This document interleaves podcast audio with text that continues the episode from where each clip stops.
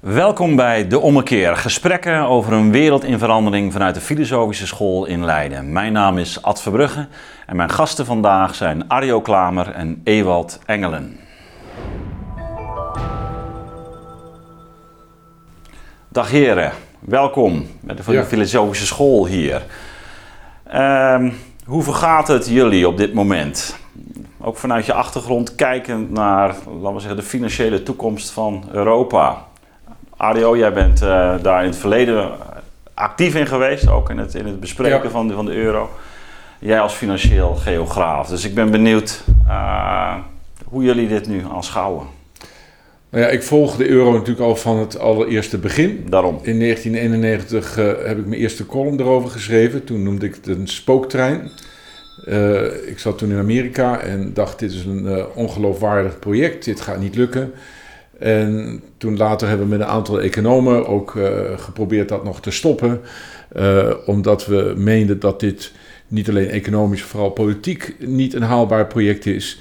En toen leek het eventjes dat eh, de euro wel ging werken. Want eh, kijk maar naar Spanje en kijk maar naar Griekenland en kijk maar naar Ierland. Zie hoe geweldig dat gaat. Dat was in, in soort of het begin van deze eeuw. Nou, toen kregen we dus de crisis en toen bleek dat het helemaal niet zo goed zat. En toen hebben we met, eh, echt met de moed en wanhoop de zaken overeind weten te houden. Of de politieke leiders hebben dat. En dit geeft weer een andere enorme deuk aan wat ik nog steeds denk is een houd- onhoudbaar project. Ja, laten we daar dadelijk nog wat, wat dieper op ingaan. Eh, Ewald, hoe eh, sta jij hierin? Ja, dat is eh, voor een heel groot deel hetzelfde. In 2008 is dus inderdaad gebleken dat eh, de roes waarin we vanaf de introductie van de euro in zaten, namelijk groei ook in Mhm. allerlei opkomende economieën in Europa, dat dat, eh, dat het een, een, een hersenschim bleek te zijn. Met allerlei eh, voor die tijd ja, toch niet goed in ogenschouw ge- gezien hebbende eh, asymmetrieën, onstructurele, in- structurele onevenwichtigheden, Nou, et de- cetera, et cetera. De groei van Zuid-Europa voor een deel eigenlijk ook Ja. kwam door schuld, door Absoluut. opgeblazen Ja, vastgoed, door lage rente, Maar dus rentetarieven. die... niet alleen maar in Zuid-Europa, ook Ja. in Noord-Europa. Nee, zeker. Ook in landen als Nederland en Ierland natuurlijk heel erg op basis van en een huizenzeepbel. Dat is allemaal gespat in 2008 en toen is met veel pappen en nat houden is het bouwwerk enigszins overeind gehouden. Maar er is, er is, niets, er is niets ontvlochten, want dat is één van de scenario's. Maar er is ook structureel niets gewijzigd. Nou, we zijn Waardoor meer vervlochten. Nee, dat volgens mij niet. Eh, maar, maar, maar wa- wat er in ieder geval wel gebeurd is, is dat dat wankele bouwwerk, dat wordt nu in 2020 opnieuw asymmetrisch geraakt. Sommige landen meer, sommige landen minder. Sommige regio's meer, sommige regio's minder. Eh, en en, en de buffers die we in 2008 hadden, die hebben we niet meer. Dus ik, eh, ik, ja, ik hou mijn hart vast. En, en, en, ik, en ik vrees dus inderdaad, of ik vermoed, want ik ben er eigenlijk heimelijk ook wel een beetje blij mee, dat dit het, eh, het, langzame einde van de euro gaat betekenen. Oké, doe maar. Ehm, nou ja, ik, ik zeg het ook meer vervlochten, omdat wat we natuurlijk nu wel zien is dat men heel snel naar de bazooka kan grijpen. Op een manier die eigenlijk in 2008 nog niet kon. Dat we wel zien dat, dat, dat vooralsnog in ieder geval eh, tot, tot effect heeft dat de, de onderlinge rentetarieven tussen landen nog niet extreem aan het, aan het eh, eh, uiteenlopen zijn. Dus het, er lijkt iets meer stabiliteit te zijn in dat opzicht. Maar toch, Ar- Arjo, ehm, ehm, als je, je nu, nu kijkt wat er, eh, wat er gaande is. Je zegt van nou, ik, ik zie daar vooral ook eh, als centrale probleem dat eigenlijk de onvoldoende politieke eenheid bestaat. Hè, eh, om, om dit tot een geslaagd project te maken. Dat was jullie Ja. twijfel eigenlijk al in de jaren negentig. Ja. Ehm, nou, we merken nu al dat er natuurlijk onderlinge spanningen eh, ontstaan tussen eh, nou ja, bijvoorbeeld Nederland en, en, en Italië, om dan maar even het springende punt van de afgelopen periode te noemen. Hoe, hoe, hoe, hoe gaat zich dit ontwikkelen in jouw optiek? Wat, wat, wat, Ja, als ik even een wat eh, dieper liggende observatie mag Ja. maken. graag. Eh, kijk, geld, daar hebben we het over, de Mhm. euro. Ehm, dat, nou, we weten allemaal, het functioneert als een rekenmiddel. hè, Ja. Middel, hè, daar kunnen we dingen mee afrekenen. Ontzettend handig trouwens. Hè. Je gaat in Italië Ja. en dan kun je ook in euro's eh, afrekenen. eh, dat was ook de aantrekkelijkheid. Hè? Dat De de bevordering van handelsverkeer. Je had Ja. niet meer te maken met allerlei wisselkoersen. Ja, Eh, maar laatst was ik in Zweden en daar heb ik een paar dagen rondgelopen zonder één Zweedse kroner in mijn zak te hebben. Want dat gaat natuurlijk allemaal digitaal, dus dat is eigenlijk helemaal geen probleem. Maar goed, dat even terzijde. Maar het belangrijkste is eigenlijk... Dat is waar. Hè? De digitalisering, digitalisering lost het ook op voor lost het op en daar kom ik straks ook op, want Ja. daar zitten ook oplossingen in. Ja. Ehm, want we willen graag ook over oplossingen Zeker. hebben. Ehm, maar als je over geld nadenkt, hè, dan functioneert het als een bindmiddel. Zo werd het ook ingezet. De euro gaat Europeanen aan elkaar binden. Ja. Dat in zekere zin is ook gebeurd, dat zei jij net ook al. Maar het kan ook als een splijtswam gaan opereren. Zeker. De, met heel veel ruzies in de beste families Ja. Nou, worden al veroorzaakt door geld. Ja. Ja, nou eh, kijk, Brexit is natuurlijk ook één onderdeel daarvan, want Engeland hoorde er niet bij. Dat heeft eh, ook tot enorme scheiding geleid. Eh, Twee trajecten, je bent er of bij de Euroclub club of niet. De Zweden zitten er ook niet bij, de Polen zitten er ook niet bij, begrijp je? Dus op die manier kan de euro ook een splij- splijtswam eh, functioneren. En we zien dat nu heel duidelijk, daar vroeg je ook naar, naar wat er nu gebeurt tussen de zuidelijke en noordelijke landen. Dat Ewald het ook al over. Dat de, de, de condities, de culturen zijn zo verschillend dat je ziet ook, in, en dat is ook wel interessant op dat niveau, want het is net alsof eh, we met een, eh, in een menselijke relatie zitten. Zo praat ik over de Italianen en over de Grieken ooit. We hebben daar bij Nederlanders zeer laatdunkende karakteriseringen voor. Dat Ja. zijn lapswanzen, luis, eh, onverantwoord. Ja, eh, gewoon veel te, veel te vroeg met wij, pensioen. moet je naar ons kijken, Ja. want wij bezuinigen, we zijn keurig, wij passen, hè, we zijn, passen op onze, op onze centen. eh, en dan wordt ook direct de Zwarte Piet daar naartoe gespeeld. Ja. Dus zij zitten in de schulden, dat is hun probleem. ja, ze maken er een potje van. Ze maken dikke schuld eigen bult. Ehm, dus eh, dat is wat wij zeggen. Dat maakt hun woest. Dus je krijgt een soort eh, ruzie. Gewoon een ordinaire ruzie. Zoals je dat in een relatie ook hebt. Dan merk je, we zijn gedwongen getrouwd eigenlijk met die euro. Eh, gebaseerd op eh gedachte wederzijds vertrouwen. Want een euro bestaat bij Ja. de gratie van vertrouwen. En nu zie je hoe dat onderhuids enorm onder druk staat. Maar in de kern zeg je eigenlijk van, eh, kijk, geld bestaat alleen dankzij ook instituties die we hebben. Ja. In dit geval hè, een Eu- Eu- Europese bank, maar ook een Europese Unie, waar dat in, binnen is Ja, georganiseerd. maar ook We- vertrouwen. Hè? Ja, ja, nee, zeker. Want we hebben met fiat, fiat geld. Ja, Ja. het, dus het gaat in de kern erom. Vertrouwen we dus de, degene die lid zijn van die instituties. En, en jij zegt eigenlijk, ja, wat we, het- we zien al in de, de, de praktijk... dat we eigenlijk de, de, de leden die deze, de- gezamenlijk dit instituut vormen... dat we die eigenlijk niet echt eh, vertrouwen. En dat zet daarmee ook het, de, de munt onder druk. Ja, want Ja. wat denk je dat die Duitsers dachten van die Italiaan Draghi die de bezoeken inzetten? Ja. Dus de geldkraan eigenlijk openzetten door al die schulden op te kopen als centrale bank. Ongehoord bij de constructie van de euro. Dat was echt niet, eh, absoluut niet de bedoeling. Nou ja, dat, dat- daar zit natuurlijk hun eigen trauma in van de jaren twintig... Ja, waar ze zelfs grond, grondwettelijk... eh, Dus die, die Duitsers zijn keurig, want die hebben nog steeds een schuldgevoel dankzij Ja. de Tweede Wereldoorlog. Dus vinden nog steeds dat ze moeten, boete moeten doen. Maar ondertussen onderhuids huids broedt dat enorm. Die mensen zijn, zijn eigenlijk ontzettend kwaad over wat er hier gebeurd is. En dus dat op een gegeven moment is mijn voorspelling, komt dat naar buiten. Dus mijn voorspelling is altijd geweest dat als er iemand de stekker eruit gaat trekken, dan zijn het de Duitsers dat. Ja, nou vooralsnog lijkt het daar niet op. Eh, Nou, dan wacht maar af. Maar oké, Eh, Ewald. Kijk, een van de dingen waar je nu eh, mee te maken hebt, is dus inderdaad een eh, dreigende, diepe eh, economische Ja. In een eh, groot aantal lidstaten van de Europese Monetaire Unie. Weer niet overal even erg. eh, en niet overal zijn dezelfde reserves voorhanden om iets aan die recessie te doen, om dat op te kunnen vangen. Ja. Ehm, wat er altijd bij hoorde bij een muntunie is natuurlijk een, eh, een herverdelingsmechanisme. Hè, waarbij de gebieden die reserves hebben en minder geraakt worden, die reserves eventueel ter beschikking stellen aan gebieden waar wel eh, waar geen reserves zijn en waar ze zwaar geraakt worden. Dus heel concreet, dat zou nu betekenen dat Oostenrijk, Finland, Duitsland en Nederland, die zouden iets van hun begrotingsoverschotten en hun lagere staatsschuldruimte moeten aanwenden om eh, Italië te helpen of Spanje te helpen. En wat mij erg bevreest is dat eh, we dus op dit moment ook zien dat in ieder geval een deel van de politieke elite, geruggesteund door ook in Nederland 60 economen, eh, en er zijn er meer, en ook technocraten in Brussel, dat die deze crisis gaan aangrijpen om zo'n transfermechanisme van rijk naar arm ook daadwerkelijk op poten te zetten. Dus iets als coronabonds, corona-obligaties. Ja. Dat is het begin van een transfermechanisme, geïnstitutionaliseerd. Uh, op de een of andere manier ook uh, later waarschijnlijk in Europese verdragen terechtkomend. Waarmee je dus de volgende stap gaat zetten naar toch het optuigen van een, een Europees politiek systeem. Wat altijd als ontbrekend is uh, gediagnosticeerd bij die Europese Monetaire Unie.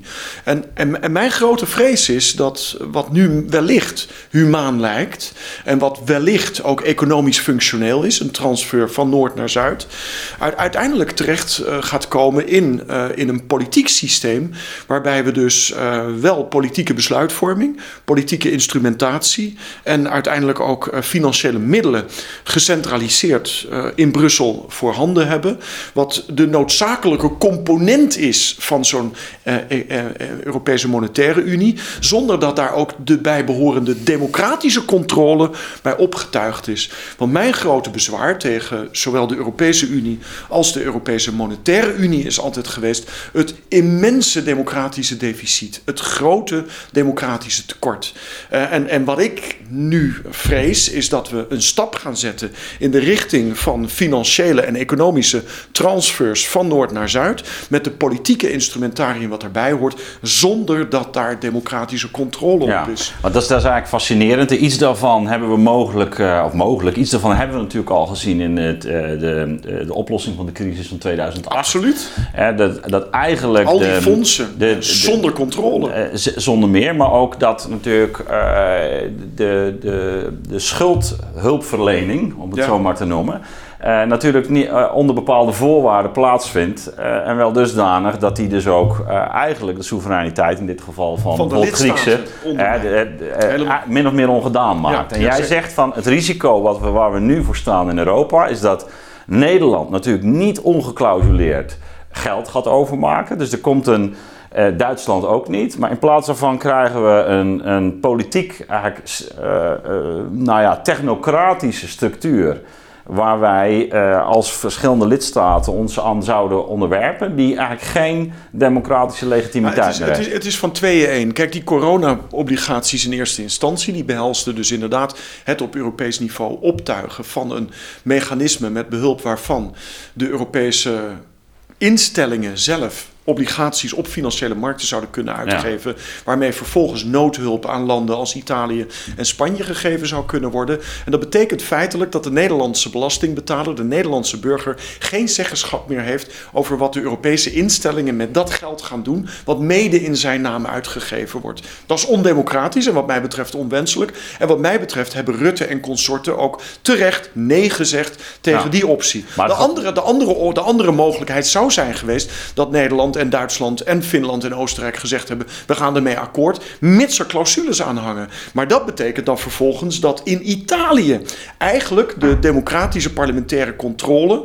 eh, eigenlijk terzijde geschoven wordt. En eh, eh, iets als een IMF of een Europese variant van het IMF gaat zeggen wat Italië vervolgens moet gaan doen om het eigen huis weer in orde zoals en dan dat krijg je- in Griekenland. Zoals in Griekenland is in gebeurd. Griekenland. Dus in beide kanten heb je te maken met het uiteindelijk uitschakelen van democratie. Ja. En dat lijkt mij uiterst Ja. onwenselijk. Maar Arjan, ja. ja, mijn punt is dat dit is precies wat in het plan zat Ja, om te absoluut. doen. Helemaal. Het begon eigenlijk al in 1991. Mhm. Ik weet niet of je nog herinnert. De Zwarte Maandag, geloof ik. Het was eh, de grote... eh, Lubbers had een heel, dat hele plan voor de euro met een politieke unie. Die politieke unie sneuvelde. Later heeft erkend- Diplomatieke debakel. het Ja. diplomatieke, diplomatieke debakel van Nederland. Ja. Later heeft hij erkend dat eh, eigenlijk zonder die politieke unie de euro niet had moeten doorgezet worden. Maar hun gedachte was, heel sinister van die eurocraten, we krijgen onze kans wel. Als de euro er is, dan gaan we dit soort stappen, Ja. die jij nu zo keurig eh, beschrijft, gaan we zetten. Dus Dat is eigenlijk het verdrag van Maastricht, eh, die, de opmaat tot Ja, een... en nu gaan we eigenlijk doen. De eurocraten zien dit natuurlijk als een uitgelezen kans om dat te realiseren wat eigenlijk altijd de bedoeling was. En wat ook noodzakelijk is, wil je de euro eh, houdbaar Ja, maken. want, want Want ik ben, hè, dus ik ben het helemaal met jouw kritiek eens. Maar voor de eurocraten is deze Uitgelezen transferunie kans. is, eh, noodzakelijk Ja. om de euro door te zetten. Want anders eh, zal het vertrouwen onderbreken. Dat, on- ontbreken. Dan gaan Ja. de Italianen die gaan het eh, op een gegeven moment echt eh, dwars liggen. De Duitsers gaan dwars liggen.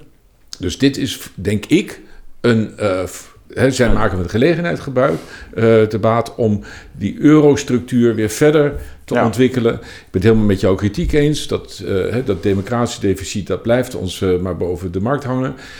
maar dit is wel een manier om de euro verder voor te bouwen. En even voor, om, om dat beeld uit te, te schetsen. Kijk, we hadden vroeger de gulden. -hmm. Als het in Limburg fout ging dat de enorme tekorten vanwege die mijnen die gesloten worden, werden, of eh, in Noord-Groningen uh, ging het fout. Dan, dan lapten wij natuurlijk bij. Geen enkel probleem. Er ging een hele stoot geld naar Limburg toe. Een universiteit werd er opgericht. Uh, kantoren werden daar neergezet. Want dat is de solidariteit die we op die manier uitdrukken. Dus je moet als land wel gemeenschappelijk optrekken. Dat, dat zie je nu natuurlijk ook in de coronacrisis. Hè? we hebben het allemaal over samenwerken, ja, precies, samenwerken. En, en bij Nederland we hebben het niet over Brabant of... Uh, we hebben er last van als de Italianen nee, bloeden. Uh, dan moeten we daar ook... Uh, dat, is, dat is de gedachte. Maar ik ben mee eens met Ewald dat dat niet gaat werken omdat Europa zo niet in elkaar zit. Hè. Er is geen democratie, er is geen demos. Nee. We voelen die verwantschap niet zoals we dat met de Limburgers voelen. Hoewel dat ook nog wel eens twijfelachtig is. Kan maar, dat is ook wel eens problematisch. Ja. Dat kan problematisch zijn, maar goed, uh, uh, die, die verwantschap voelen wij niet zo uh, zodanig. ik noemde eerder die karakteriseringen. We zijn daar zeer laatdunkend over. Er zitten enorme culturele barrières die je ook niet moet ver, verwaarlozen. die zijn ontzettend sterk.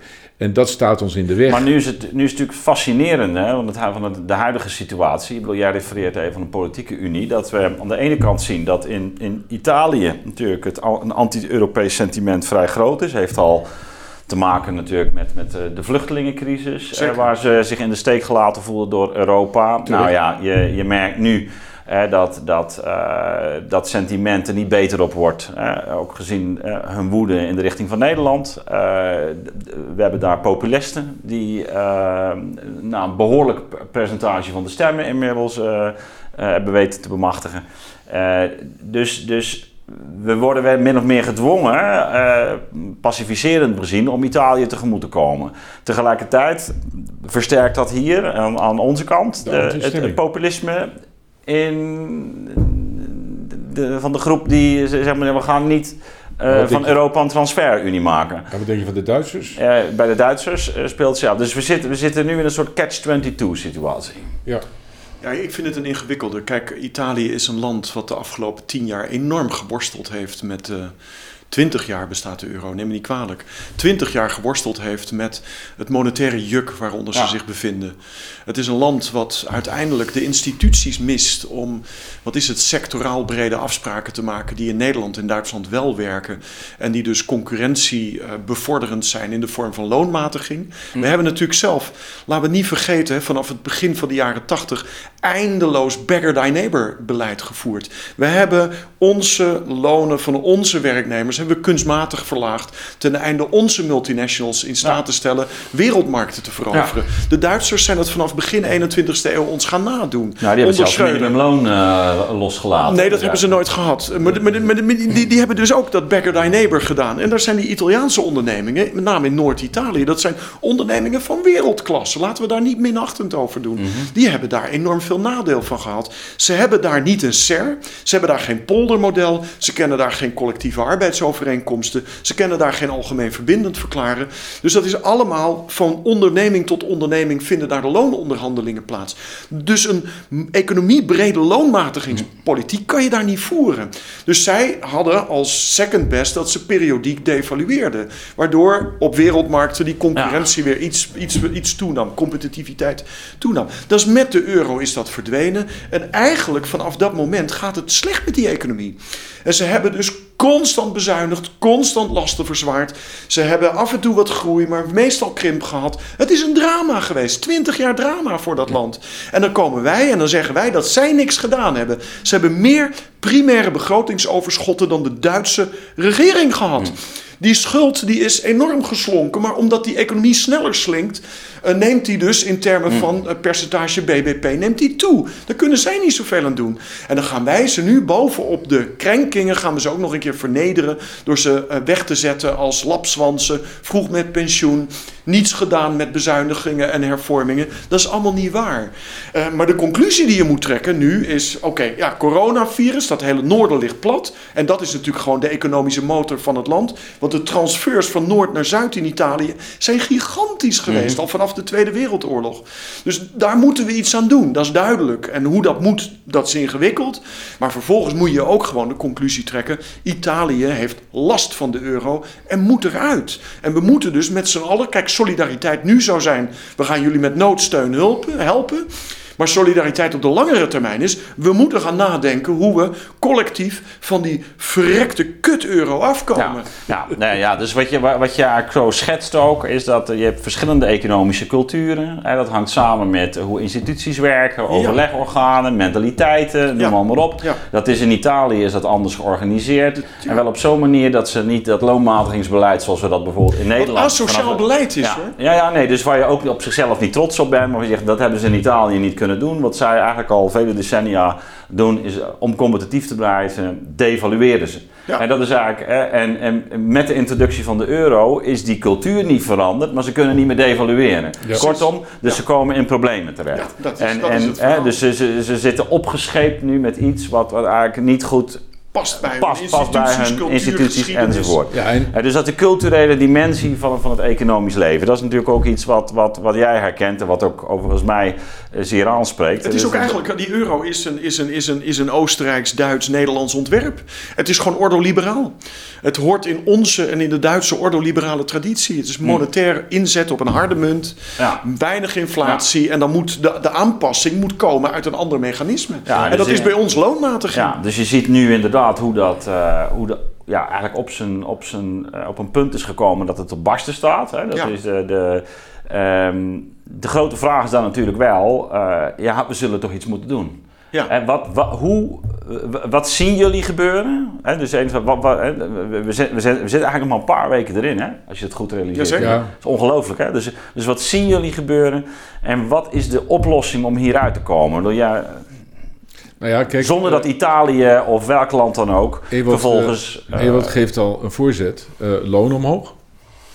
Eh, begroot, kijk, we hebben een enorm handelsoverschot. Wij Mhm. Nederlanders vinden dat geweldig, dat we, maar het is heel slecht eigenlijk. Eh, want eh, eh, als econoom zoek je liever naar een evenwicht. Dus dat Mhm. er eh, geen overschot en geen tekort is. Maar wij hebben een gigantisch overschot. Dat betekent dat we eh, het buitenland enorm hoeveelheid schulden aan eh, Nederland aan het opbouwen is. Dus daar moeten we vanaf. We moeten dat, en dat geldt voor de Duitsers net zo. Ja, maar ja, op dit moment, eh loon omhoog, op dit moment werken we even niet. Nee, Dus de vraag is even, wat doen we nu? Nou ja, in- Je hebt het over, je moet korte termijn en langere termijn Ja. moet je uit elkaar kijk, houden. eh, we weten nog niet wat de impact is hiervan. Eh, het kan heel dramatisch zijn, het kan ook meevallen. Mhm. Ja. Ehm, kijk, het kan meevallen als we redelijk snel weer op gang komen. En dan krijg je een inhalen, inhaalslag. En dan Ja. halen we je krijgt een enorm opgepotte vraag. Nou, dat wordt, loopt allemaal uit de, uit de op straks. Iedere dag eh, uit eten. Uh, ja, dan gaan we echt eh, eventjes goed eh, hè, dus, eh, ehm, eh, het er even goed van maken. Maar dus dan krijg je snel een inhaalslag. Nou, En dan eh, zul je op een gegeven moment eigenlijk niet heel veel van, eh, van, van hiervan gaan merken. Maar als het doorgaat, dan zijn er structurele veranderingen. Nou ja, Die- we zitten tegelijkertijd met een mondiale schuldenproblematiek. Ja. Eh, die, eh, die gaat ook aan Europa niet eh, voorbij. We hebben overheden met een, ook Italië onder andere met een, maar ook België ook Ja. met een enorme schuld. In Duitsland wordt gesproken van een recessie nu, cijfers die eh, eh, t- 12, 15 procent worden geschat voor het volgende kwartaal. Dus als het, laten we zeggen, een paar maanden gaat duren, krijgen we toch een, een serieus probleem. Ja, we krijgen een serieus probleem. Maar nogmaals, de vraag is hoe snel je daar dan weer Ja. eh, uitkomt. Hè? Dus, maar wat ik interessanter vind is Maar wat doe je in hoeverre er structurele problemen zich voordoen. En daar hebben we het nu over. Eh, verhoudingen tussen landen, Mhm. eh, druk op eh, het financiële stelsel, ehm, maar ook politieke, ehm, eh, politiek gedoe. Dat, is, Ja. dat is natuurlijk Ja, ook wel... dat is, nu- maar dat is, nu, dat is nu al helder. Dat is Ja, nu al, nou ja, dat dat- is nu wat, de, al, wat de positie van, van China is, ten eh, positie van Amerika, eh, hoe Europa zich daartoe verhoudt, dat wordt allemaal behoorlijk spannend. Dus, ehm, en dat is allemaal eigenlijk een beetje koffiedik kijken hoe dat gaat uitpakken. Maar je, je verwacht dat dingen wel onder spanning komen te staan. En, maar hoe ehm, komen we daaruit? Ja, Nou ja. wat, wat, wat, wat, wat mij betreft, hè, wat we nu aan het doen zijn, is dat toch proberen te laten lopen via de balansen van de lidstaten van de Ja. Europese Monetaire Unie. En dat zie je nu ook in Nederland. Die hebben 100 miljoen eh, beloofd eh, aan, aan Italië, volgens mij, als ik dat goed heb. We zouden het natuurlijk gewoon. Ik bedoel, we, zitten, we, zitten, we zitten 1 miljard, dat is ook 1 zo. miljard. 1 miljard. We zitten nu in een, eh, in een, in een monetaire unie. De langere termijn zou wat mij betreft dus inderdaad nadenken zijn over ontvlechting van die monetaire unie. Het is een, het is een misgeboorte geweest. Mhm. Dat hebben we eigenlijk van meet af geweten. De stap naar de politieke unie die erbij hoort, die willen we eigenlijk niet zetten. We weten ook niet of we dat überhaupt democratisch kunnen verantwoorden. Dus dat moeten we niet doen. We moeten naar ontvlechting. Maar dat kan niet nu. Wat we nu moeten doen in de eurosituatie is volgens mij dat je dat gewoon via de balans van de ECB laat lopen. Ook dan heel veel Duits en Nederlands, Oostenrijks en Fins verzet. Maar daar kan natuurlijk gewoon geld gecreëerd worden. En we doen daar ontzettend spastisch over in Europa. Dat doen ze in de Verenigde Staten veel minder. Dat doen ze in het Verenigd Koninkrijk veel minder. Je kan natuurlijk gewoon de balans van de ECB kan je eindeloos oppompen. En je zou natuurlijk gewoon direct Italiaanse staatsobligaties kunnen kopen. Daar ligt nu een eh, per, per Dat we. verdrag. Dat heeft de E- nee, dat dat doen ze niet. Dat doen ze allemaal indirect. Dat doen ze op de tweedehands obligatiemarkt. Maar waarom dat niet gewoon direct doen? En dan kan je ervoor zorgen dat je dat ook doet tegen politiek afgesproken rentestanden. Want nu ben je afhankelijk van de vraag- en aanbodverhoudingen op die tweedehandsmarkt. Doe dat gewoon direct. Dat mag verdragsmatig, mag dat niet. Maar ik denk onder deze buitengewone omstandigheden, onder deze buitengewone omstandigheden doen we allerlei dingen die eigenlijk constitutioneel niet mogen. We zijn de bewegingsvrijheid en de vrijheidsrechten van burgers zijn we op grote schaal aan het aantasten. Ja. Dus onder uitzonderingsomstandigheden, dat wist Karl Schmid al, kan ontzettend veel. Dus dit zou de ECB gewoon kunnen doen. Ja, en nou, maar, maar vervolgens- gesteld, gesteld je, en, en, nee, maar dan, dan, dan kan je dus via de balans van de ECB... kan je het vermogen van de Italiaanse overheid... om eindeloos rood te staan, om dat zomaar te noemen... Ja. kan je enorm ophogen. En dat kan allemaal weer getransfereerd worden... naar Italiaanse burgers. Want dat is iets wat ik wel heel erg belangrijk vind. We gaan nu mm, honderden miljarden gaan we in de economie pompen... en ik ben ontzettend bevreesd... Ja. dat het vooral bij kapitaal terechtkomt... en niet bij burgers en werknemers. Zorg ervoor dat het bij burgers en werknemers terechtkomt. Gebruik daar de balans van de ECB voor. En op het moment dat het allemaal weer, hè, als het herstel weer plaatsvindt, als dat herstel weer plaatsvindt, ga dan nadenken over hoe we het kunnen ontvlechten. En streep dan gewoon die hele balans van die ECB weg. Hoppa. ja, dat, maar dat, dat moet je alleen niet van tevoren zeggen. Want Nee, dan- dat is ook hè, zo. Dat is, dus we eh, gaan want- dit ook niet Nee, uitzenden. we gaan dit niet uitzenden, want dan, dan is vervolgens natuurlijk heel eh, die euro geen, geen klap meer waard. Maar De- Kijk, eh, ik ben het mee eens, dit zijn kort, hè, in de korte termijn kan je dit soort dingen doen. Maar daar eh, ben ik niet echt van om daar me heel Mhm. druk mee bezig te houden. Ik ben eigenlijk meer van, van even kijken naar waar zijn we nou mee Ja. bezig? Waarom doen we wat we doen? Ik vind in een fase als dit, laten we wel wezen, dit is ook een filosofe mhm. eh, context, filosofische context waarin we spreken, dat je de waarom-vraag mag stellen. Waarom doen we wat we doen? Ehm, klopt het dat wat we doen? En dus wat kritischer eh, en wat eh, kritischer kijken naar de huidige situatie. Want het blijkt dat er van alles nog wat naar de oppervlakte komt. Hè. Onze onafhankelijkheid van het globale systeem, Ja. wat eigenlijk niet goed, eh, goed blijkt te werken. Ja. Het is krankzinnig dat we afhankelijk zijn van medicijnen, van wat er Ja, ook, gebeurt. ook die ons uitermate politiek ook kwetsbaar Ja. maken. Hè? Ik bedoel, dat, dat hebben de Japanners ook aan de Dat lijf merken we op alle, allerlei manieren. Eh, dus dat gaat, geeft te denken. Ja. Maar het geeft ook te denken dat we nu in een hele andere situatie zijn. Met een soort reset eh, zitten. We zitten. Ik kijk natuurlijk terug naar de jaren 30 van de vorige eeuw. eh, toen het echt een zware depressie was. En toen ook nieuwe ideeën ontstonden, zoals van Keynes. Het hele idee van de welvaartsstaat, ondenkbaar in het begin Ja. eh, eh, jaren 30 toen. En uiteindelijk eh, wel tot stand gekomen. Vakbonden, echt eh, wat er toen allemaal is opgetuigd, omdat er nieuwe ideeën waren. Ik denk hetzelfde, dat systeem heeft zich eh, sindsdien eigenlijk voortgezet. Dat dit wel een goede tijd is om dingen te herdenken. Ja, nu, nu, nu eh, brengt Ewald terecht in van nou, op, eigenlijk op korte termijn eh, kunnen we niet anders dan eigenlijk binnen de context van, van de Europese instituties en, en daarmee ook van de euro de Italianen, de Spanjaarden te hulp komen. En dat zal dan moeten gebeuren door uh, een soort van. Uh, als je dat via de ECB doet, dan, via de dan, ECB. Dan, dan, doen wij dat dus niet. Nee, nee, zeker. Ja, en dan kun je de sleutel weer inleveren. Precies, ja. Maar, maar dus, je, je, je doet dat dus via de ECB, die, die dan geld uit niet schept. Hè. Dat is, dan hebben we het niet meer over 750 miljard, maar we hebben het misschien over 5000 miljard. Ik noem maar wat voor heel Europa. kunnen we de zaak afdekken. Um, dat zou een korte termijn oplossing uh, kunnen zijn. Uh, we moeten er nog niet de lange termijn erbij vertellen, want dat komt pas later. Hè? Dus uh, het probleem is natuurlijk, als je dit beide verhalen vertelt, dan denk je iedereen, we moeten geen euro's meer hebben. Dus, maar goed, de, de, de lange termijn oplossing, bedoel, daar, daar zei jij zo even ook iets over. Ja. Dus de, de, wat, wat zou dan de oplossing zijn voor dat, voor dat gekke continent Europa? Hè? Dus waarin we die verschillende economische culturen zien die kennelijk heel hardnekkig zijn. De euro heeft ons niet uh, bij elkaar gebracht, ook niet qua economische, maar heeft nee, eigenlijk verder van elkaar he, vandaan. heeft ja. juist uh, het, het, het, onderscheid binnen Europa nog verder aan het licht laten treden. Uh, dus dat was ook een van de vergissingen. We dachten natuurlijk dat die euro eigenlijk ons... Convergentiemachine. Ja, de, de convergentie, terwijl het is eigenlijk een divergerende beweging geworden. Dus, dus met, met die ervaring, hè, terwijl we toch onderling heel veel handel drijven, wat moeten we dan doen? Want wat is, de, wat, wat Nou is voor jou dan op lange termijn de overgang? Ja. Hoe ziet dat eruit? Nou kijk, de voorspelling is, ik denk dat we dat delen, is dat die euro niet houdbaar is. De kwestie alleen Ja. eh, tot hoe lang gaat het nog duren. Want ze zullen dat met kunst en vliegwerk overeind houden. Hè. We ja, dat mag je ook hopen nu, hè? Dus, dat, eh, ja, maar dat natuurlijk eh, maar dat heeft wel consequenties, zoals Ewald dat eh, daarvoor al beschreef. Ten aanzien van eh, of dat überhaupt hè, we de condities hebben om dat te doen. Ja. Ook zo'n transfer Ernie. ja. Maar ik verwacht inderdaad dat eh, de Duitsers op een gegeven moment eh, de stekker eruit gaan trekken. En ik vind dat we ons moeten voorbereiden op wat dan. Mhm. ja, en hoe ziet dat Eh, eruit in jouw ogen? Ja, en dan denk ik dat we echt een, eh, en nou ja, goed, Ewald is daar ook mee bezig, moeten herdenken wat, het financiële, eh, wat een goed financieel stelsel is, Mhm. die vooral dienstbaar is aan de reële economie, Ja. hè, die een maatschappelijke opdracht heeft. Dus dat herdenken, dus financiële instellingen die alleen bezig zijn om geld te maken, daar moeten we vanaf. Het moet echt dienstbaar zijn aan de reële economie. En we moeten denken aan geld.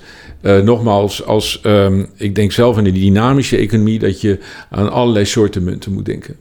Dus eh, niet één, een één eh, monolithisch systeem met één munt, maar dat je juist meerdere munten moet bedenken met, die in verschillende circuits opereren. Lokale munten, nationale munten, internationale munten, maar ook momenten voor bepaalde soort transacties.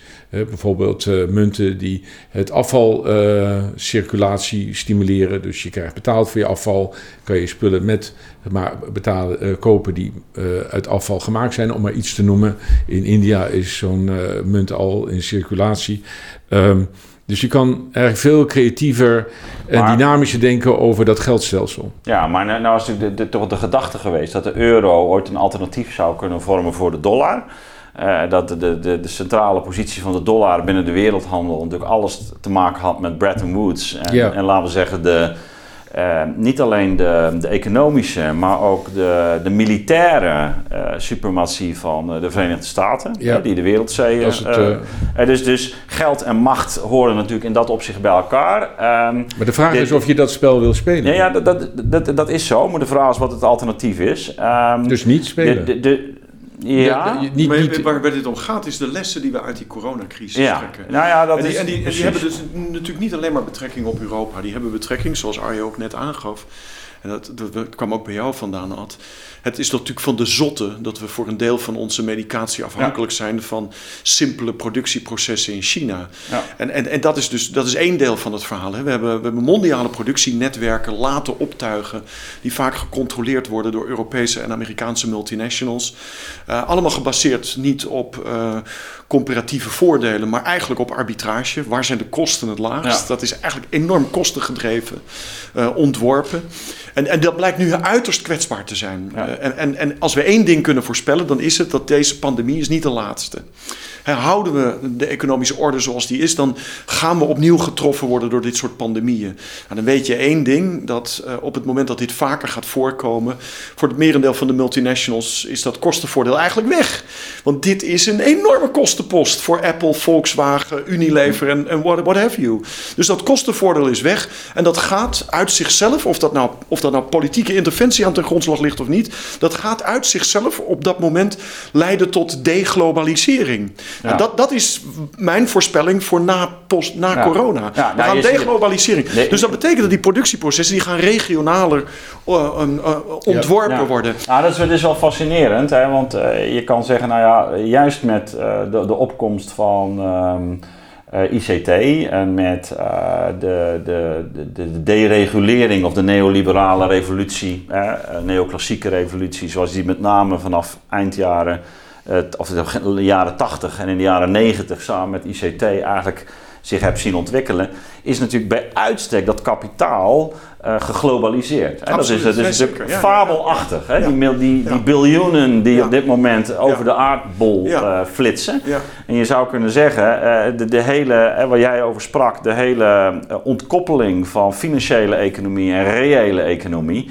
eh, heeft zich met name natuurlijk in die, in die Ja, afgelopen decennia heeft zich die voltrokken.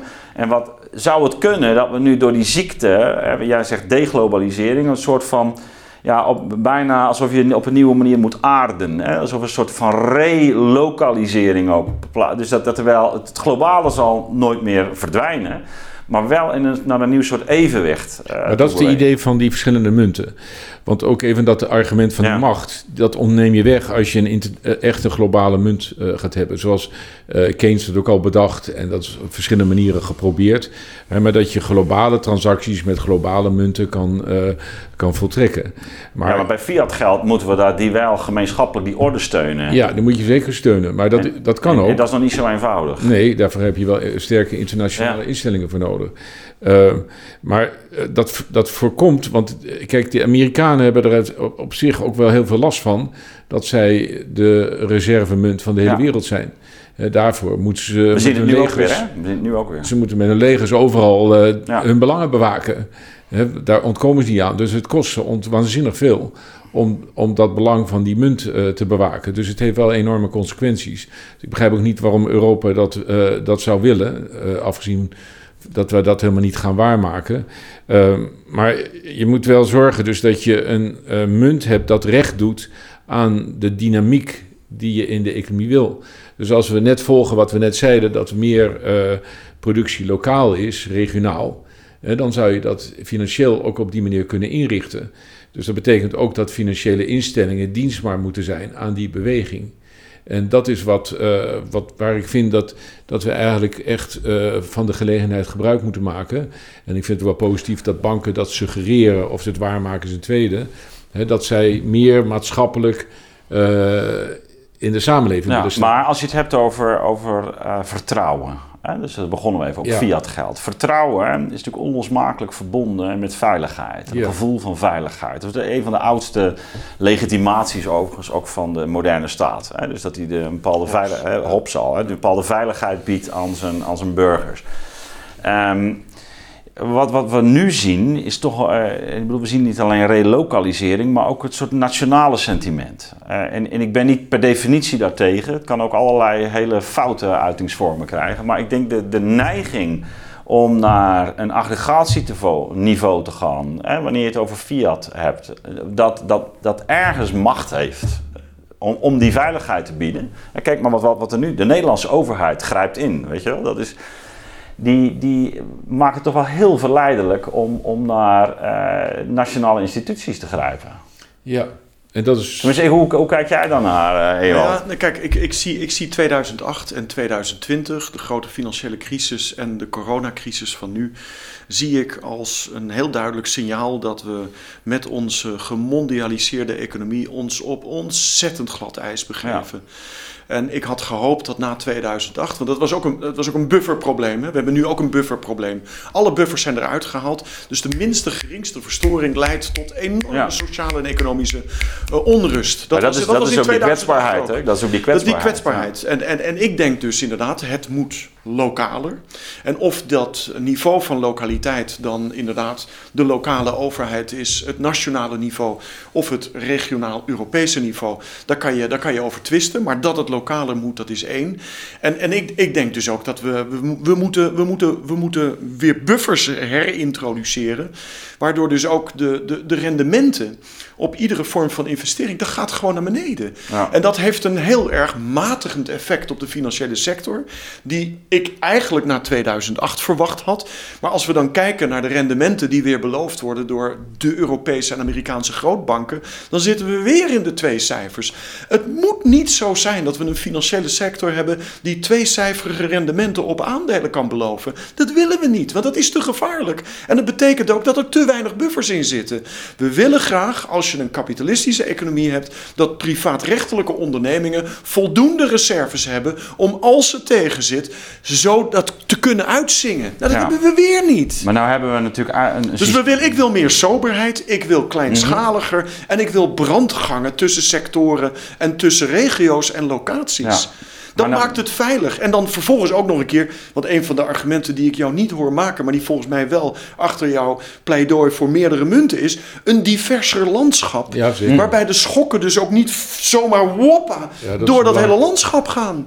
Maar het is ook... Dus wat dat betreft, we, zijn, we, zijn, we Ja. hebben, een, we hebben een, een kunstmatig Duits bos gemaakt. Waarin al die bomen zijn hetzelfde lengte en dezelfde dikte. En die zijn op hetzelfde moment in de grond gestampt. Nou, er hoeft maar één epidemie doorheen te gaan. En alles is naar de kloten. Dat hebben we nu en dat zien we nu. Ja. Dat zouden wat mij betreft de lessen moeten Ja, zijn. maar dat, dat betekent ook dat, dat de brand die we zagen in 2008, hè, dus eh, Ja. dat, dat die nu eigenlijk met versterkte kracht terug gaat komen. Absoluut. Eh, maar daarmee zeg je dat, dat die deglobalisering eh, en dat, dat die, die poging om ergens het economische leven weer veel meer in de reële economie te, te funderen. hè, Die is niet gelukt. die is, die is niet gelukt, maar als zich dat nu, dan, dan gaat het natuurlijk wel degelijk met zo'n massabrand in die financiële sector gepaard. Dat is, Ja. dat is- Maar ik wil even nog toch? wel- Dat is toch. eh, Ja, nee, ik denk dat dat inderdaad gaat gebeuren. Nou, kijk, het hele rare is, en dat- ik vind dat dus eigenlijk volkomen verbijsterend, dat het enige wat de ECB nu doet, die zeggen meteen van ja, we gaan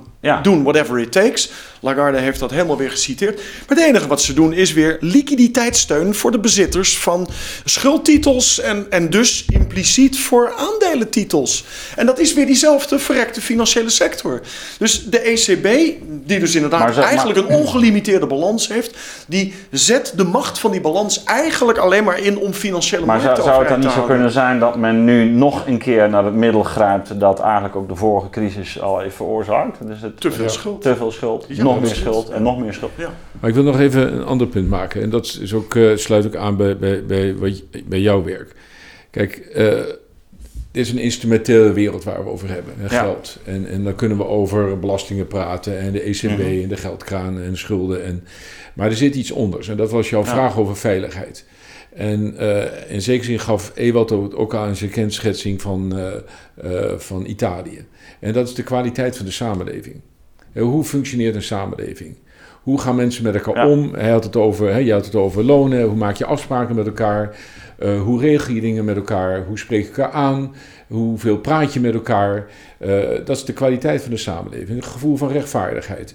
Eh, hoe, dat dat enigszins klopt, de verhouding. Dat jij niet waanzinnig veel meer verdient dan ik, want Ja. dan voel ik me echt ongelukkig. Ja, Dan gaan dat we, dat we begrip praten. hebben daarvoor. Ja, en dat we met elkaar op een manier ook Ja. in deze situatie elkaar aanspreken, elkaar helpen, Ja. iets van gezamenlijkheid en betrokkenheid realiseren. Dat is Nou, het dat- idee van gemeenschap. Dat is een gemeenschap. Dat is jouw argument Ja. natuurlijk ook.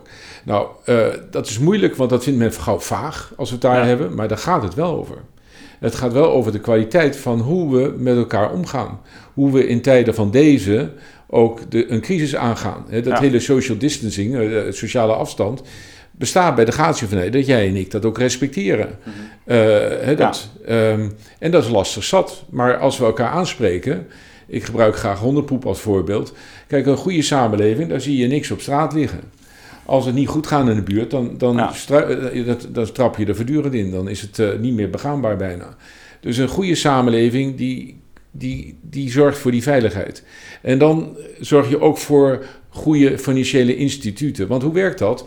Als jij zo'n bankier bent die, die zoals Ewald beschrijft, die het uh, alleen maar met financiële prikkels bezig is en wij zijn jouw vrienden, dan spreken we daarop aan en zeggen we, Ad, ben je helemaal gek geworden? Zo doen we dat toch hier niet? En op een gegeven moment denk je van, ja, dat klopt inderdaad. Dus dan heb je een sterke samenleving. Maar als een samenleving losgezongen van elkaar, ja. hebben we die gesprekken niet meer, ja, dan ga je gewoon je... Dan valt dat morele appel ook weg. Die valt, dat valt weg. Nou, dat is natuurlijk waar ja. jij het ook over ja. hebt in jouw werk. Hoe belangrijk is dat we een beschaving hebben. He, dat we elkaar ook beschaven, met elkaar omgaan, waar we elkaar recht doen. Nou, dat vind ik in een tijd als deze wel belangrijk om dat te benadrukken, want dat raakten we kwijt. He, want uh, we gingen maar onze uh, goddelijke gang daar. Uh, het, de god van de mammon verheerlijken met enorme Christ, ja. glazen paleizen oprichten voor verzekeringsmaatschappijen en banken. Waar hebben we het over? Alsof het daarover allemaal om draait. Dus ik zeg, Bill Clinton zei is the economy stupid? Ik zeg nee, het is de society stupid. Het is een sterke samenleving, die maakt mogelijk alles wat hè, wij nu bespreken als, uh, als ja. strategieën. Dan krijg je steun, dan krijg je een gevoel van veiligheid, dan krijg je een gevoel van solidariteit en dan kan je dat allemaal realiseren, ook die meerdere munten. Maar raken we dat kwijt, dan... Ja. dan... Nee, zeker. Nou, het, het, het, het opvallende was, uh, ik, ik had een gesprek met, uh, in, in, bij, bij de ommekeer ook, bij, met... Uh, Hans Biesheuvel en Marlies Dekkers. En die kwamen eigenlijk precies op dit punt. Dat in die huidige crisis je bij het MKB een bepaald soort saamhorigheid ja. merkt. En ze wilden er met elkaar uitkomen. Terwijl ze merken dus dat bij een aantal grootbedrijven... Uh, die uh, uh, meer ja. anglo-saxisch aandeelhoudersgerichte mentaliteit... die gaan gewoon zeggen, heb jongens, heb toelevering... En hij zegt, je merkt echt een soort... bijna twee bloedgroepen nu... En soorten bedrijven, uh, waarbij echt een verschil bestaat tussen een, nou, we zeggen, meer continentale benadering ja, en, een, en een meer anglo-saxisch aandeelhouders. Maar die middenkleinbedrijf is teruggegaan van onze samenleving. Ja. En daar heb ik ook, uh, allerlei, ik bedoel, er zijn goede en minder goede, maar dat is wel echt waar hè, de, de, levensader van onze economie. Maar goed, het zou dus kunnen dat die ommekeer, dus inderdaad echt ook met, met een herbezinning op dat kapitalisme. Uh, ja, maar dat ik, ik, denk dat dat terecht is. Nee, ik, vind ik heb dat, een column, column geschreven net over de rol van de MBA, de, de, de Master ja, ja. of Business Administration. Ja. Ik bedoel, als je kijkt naar de samenstelling van de raden van bestuur van grote beursgenoteerde ondernemingen, maar in toenemende mate ook publieke instellingen als universiteiten en ziekenhuizen, er zitten allemaal mannen en vrouwen in die een MBA gedaan hebben. Op die MBA word je op de een of andere manier klaargestoomd om de frontsoldaat van het gefinancialiseerde kapitalisme te worden. En, en, en het levert een blik op, een, een spreadsheet blik noem Absoluut. ik het in die column, waarin je dus alleen maar bezig bent met wat houdt hou ik onderaan de, wat hou ik onderaan de streep over? Alles moet gemonetariseerd worden. Ja. En alles wat niet gemonetariseerd wordt, valt eigenlijk automatisch buiten dat blikveld. Doet er niet toe, is een externality, bijna letterlijk. Ja. Uh, en, en de enige manier om het te monetariseren is dus bijvoorbeeld te zeggen: ja, een, een bos, ja, dat verricht ecologische diensten. waar we een bepaalde financiële waarde aan kunnen toekennen. Woppa, en dan verschijnt het wel ineens in je Excel-sheet. En, en, en, da, en, en, en wat daar dus gebeurd is, is dus ook dat, het centraal stellen van die de aandeelhouder is van, van oudsher, van origine, is het uh, degene die krijgt wat er overblijft nadat alle kosten afgetrokken zijn van de winsten. En er een zekere reservering is gedaan voor moeilijke tijden en toekomstige investeringen. Maar dat is niet meer zo. Wat er nu gebeurt is dat aan het begin van het boekjaar wordt de aandeelhouder 12 of 15 procent in het vooruitzicht gesteld. En alle andere kostenposten, die zijn variabel geworden. Als de arbeidskosten in Nederland ja, ja. te duur zijn, dan gaan we gewoon naar Vietnam, dan zijn ze lager. Ja. En, en je bent bezig met het manipuleren van je aandelenkoers door aandelen terug te kopen en dus het aanbod van aandelen te verminderen, waardoor dus de, de, de, de prijs omhoog gaat, zodat je die rendementen kunt. Nou, dat is wat er gebeurd is. En als er, wat mij betreft, één ding is dat ook geleerd moet worden naar aanleiding van deze coronacrisis, want dit is dus ook wat geleid heeft tot het verwijderen van alle reserves, alle voorraden, alle buffers, want dat zijn allemaal, allemaal dood kapitaal en dus een kostenpost. Ja. Als er dus iets is wat geleerd moet worden, dan is het wel dat dit, deze blik op de wereld, die is desastreus. Ja, ik denk, en, ja, en, ik en denk, dus niet alleen maar in de private absoluut, sector, absoluut. maar ook in ja, de dit publieke is, sector. Dit is natuurlijk ook die veel bredere discussie die in ook de laatste jaren ook gevoerd wordt. Hè, die we ook met uh, ons boek Goede Leven de Vrije Markt natuurlijk aankaarten. Van de vorm van monetarisering of financialisering. Ja. Hè, je, we hebben het op de universiteit ook meegemaakt. Hè, we maken absoluut. het nog steeds mee. Hè, maar dat, dat, dat uh, wij zo'n IC-capaciteit hebben is natuurlijk toppend van efficiency volgens de normaalverdeling. Ja, absoluut, ja, ja, Volgens de normaalverdeling. Maar wat doe je maar als, het, als, het, als, het, als het abnormaal wordt. Ja, dus het is is een zo. manier van denken en waarin een schraalhans keukenmeester Ja, is. en waarin je inderdaad niet meer dit soort, eh, nou ja, onverwachte dat is dus in zaken 2008 kunt opvangen. ook gebeurd met die banken. Die dachten we, ja, 3% buffer, 3% eigen vermogen. Dat is voldoende om volgens de normaalverdeling alle schokken te kunnen opvangen. En dan ineens komt er een schok die van buiten eh, Ja. het raamwerk komt en je, en je gaat nat. Maar Ja. weet je, En die les is dus nog steeds niet geleerd. En dat is wel een hele belangrijke maar ik sluit me helemaal aan eh, bij, bij Ewald, maar weet Maar je ik, wat... ik zou dus ook alle MBA's willen sluiten. Of Ja. laten we van alle Ja, ja, ja, ja, laten we- filosofische laten we het even- scholen gaan Ja, maken. ja. Maar even, eh, kijk, wat, ik denk dat je als een filosoof wel daar een antwoord op hebt. En die is eigenlijk heel eenvoudig. Nou, als je met dit soort mensen te maken krijgt, want daar krijg ik ook veel mee te maken. Veel van mijn studenten zitten in die Tuurlijk. Ja. Excel-sheet eh, mentaliteit. Er zijn twee vragen die je stelt eigenlijk, of eentje één. Eén is, wat is, eh, waarom? Waarom gaat het eigenlijk? Ja, En wat is echt belangrijk voor je? dat is echt belangrijk. Ja. En als je die vragen stelt, dan Ja. is dat zeer confronterend. Ik doe dat aan de lopende band, jij waarschijnlijk Hm. ook. Want daar hebben ze eerst helemaal geen antwoord op. Nee. En die vind ik ook wel leuk, want dan zeggen ze, nou ja, ehm, eerst zeggen ze winst. Ik zeg, nou, waar is die winst dan goed voor? Ja, goed, ja. eh, meer winst, zeggen ze dan nog. Nou, ik zeg, waar is dat dan goed voor? Nou, dan weten ze dat ze daar niet mee wegkomen. Ze komen altijd uit voor, nou, is goed voor mijn kinderen. Ja. Ik zeg, interessant. Dus dan gaat het dus om je kinderen. Nou, dan kunnen we daar nog even, of dat nou wel eens goed Ja, is voor je kinderen. ja. Maar dan zijn we ergens. Of is het goed voor de samenleving? Dan leg dat even uit hoe dat dan is. En dan breng je ze behoorlijk in verwarring. Als je vraagt aan dit soort mensen waar je het over hebt, eh, waar, wat is nou, waar gaat het je nou om? Dan zeggen ze altijd dingen, nou, ik wil eh, een verschil maken. Ik wil persoonlijke ontwikkeling, zeggen ze dan. Die is ook heel, andere mensen helpen, zeggen sommige mensen. Ehm, en dan zeg ik altijd, laten we de Hitler-test toepassen. Had Hitler dat ook kunnen zeggen? Ja, inderdaad. dus dan kan je een heilige en een Hitler zijn. Met andere woorden, je zegt helemaal niks. Ja. En dat is wat opvallend is. Eh, de mensen waar je het over hebt, met een MBA-opleiding, hebben geen flauw idee wat nou echt belangrijk is voor ze en waarom het om te gaan is. Ja. Nou, en dat vind ik dus ideaal voor een filosofisch Nou, project. we- ik, ik stel voor dat we di- dit gesprek nog een keer eh, eh, vanuit die invalshoek eh, nog een keer gaan doen.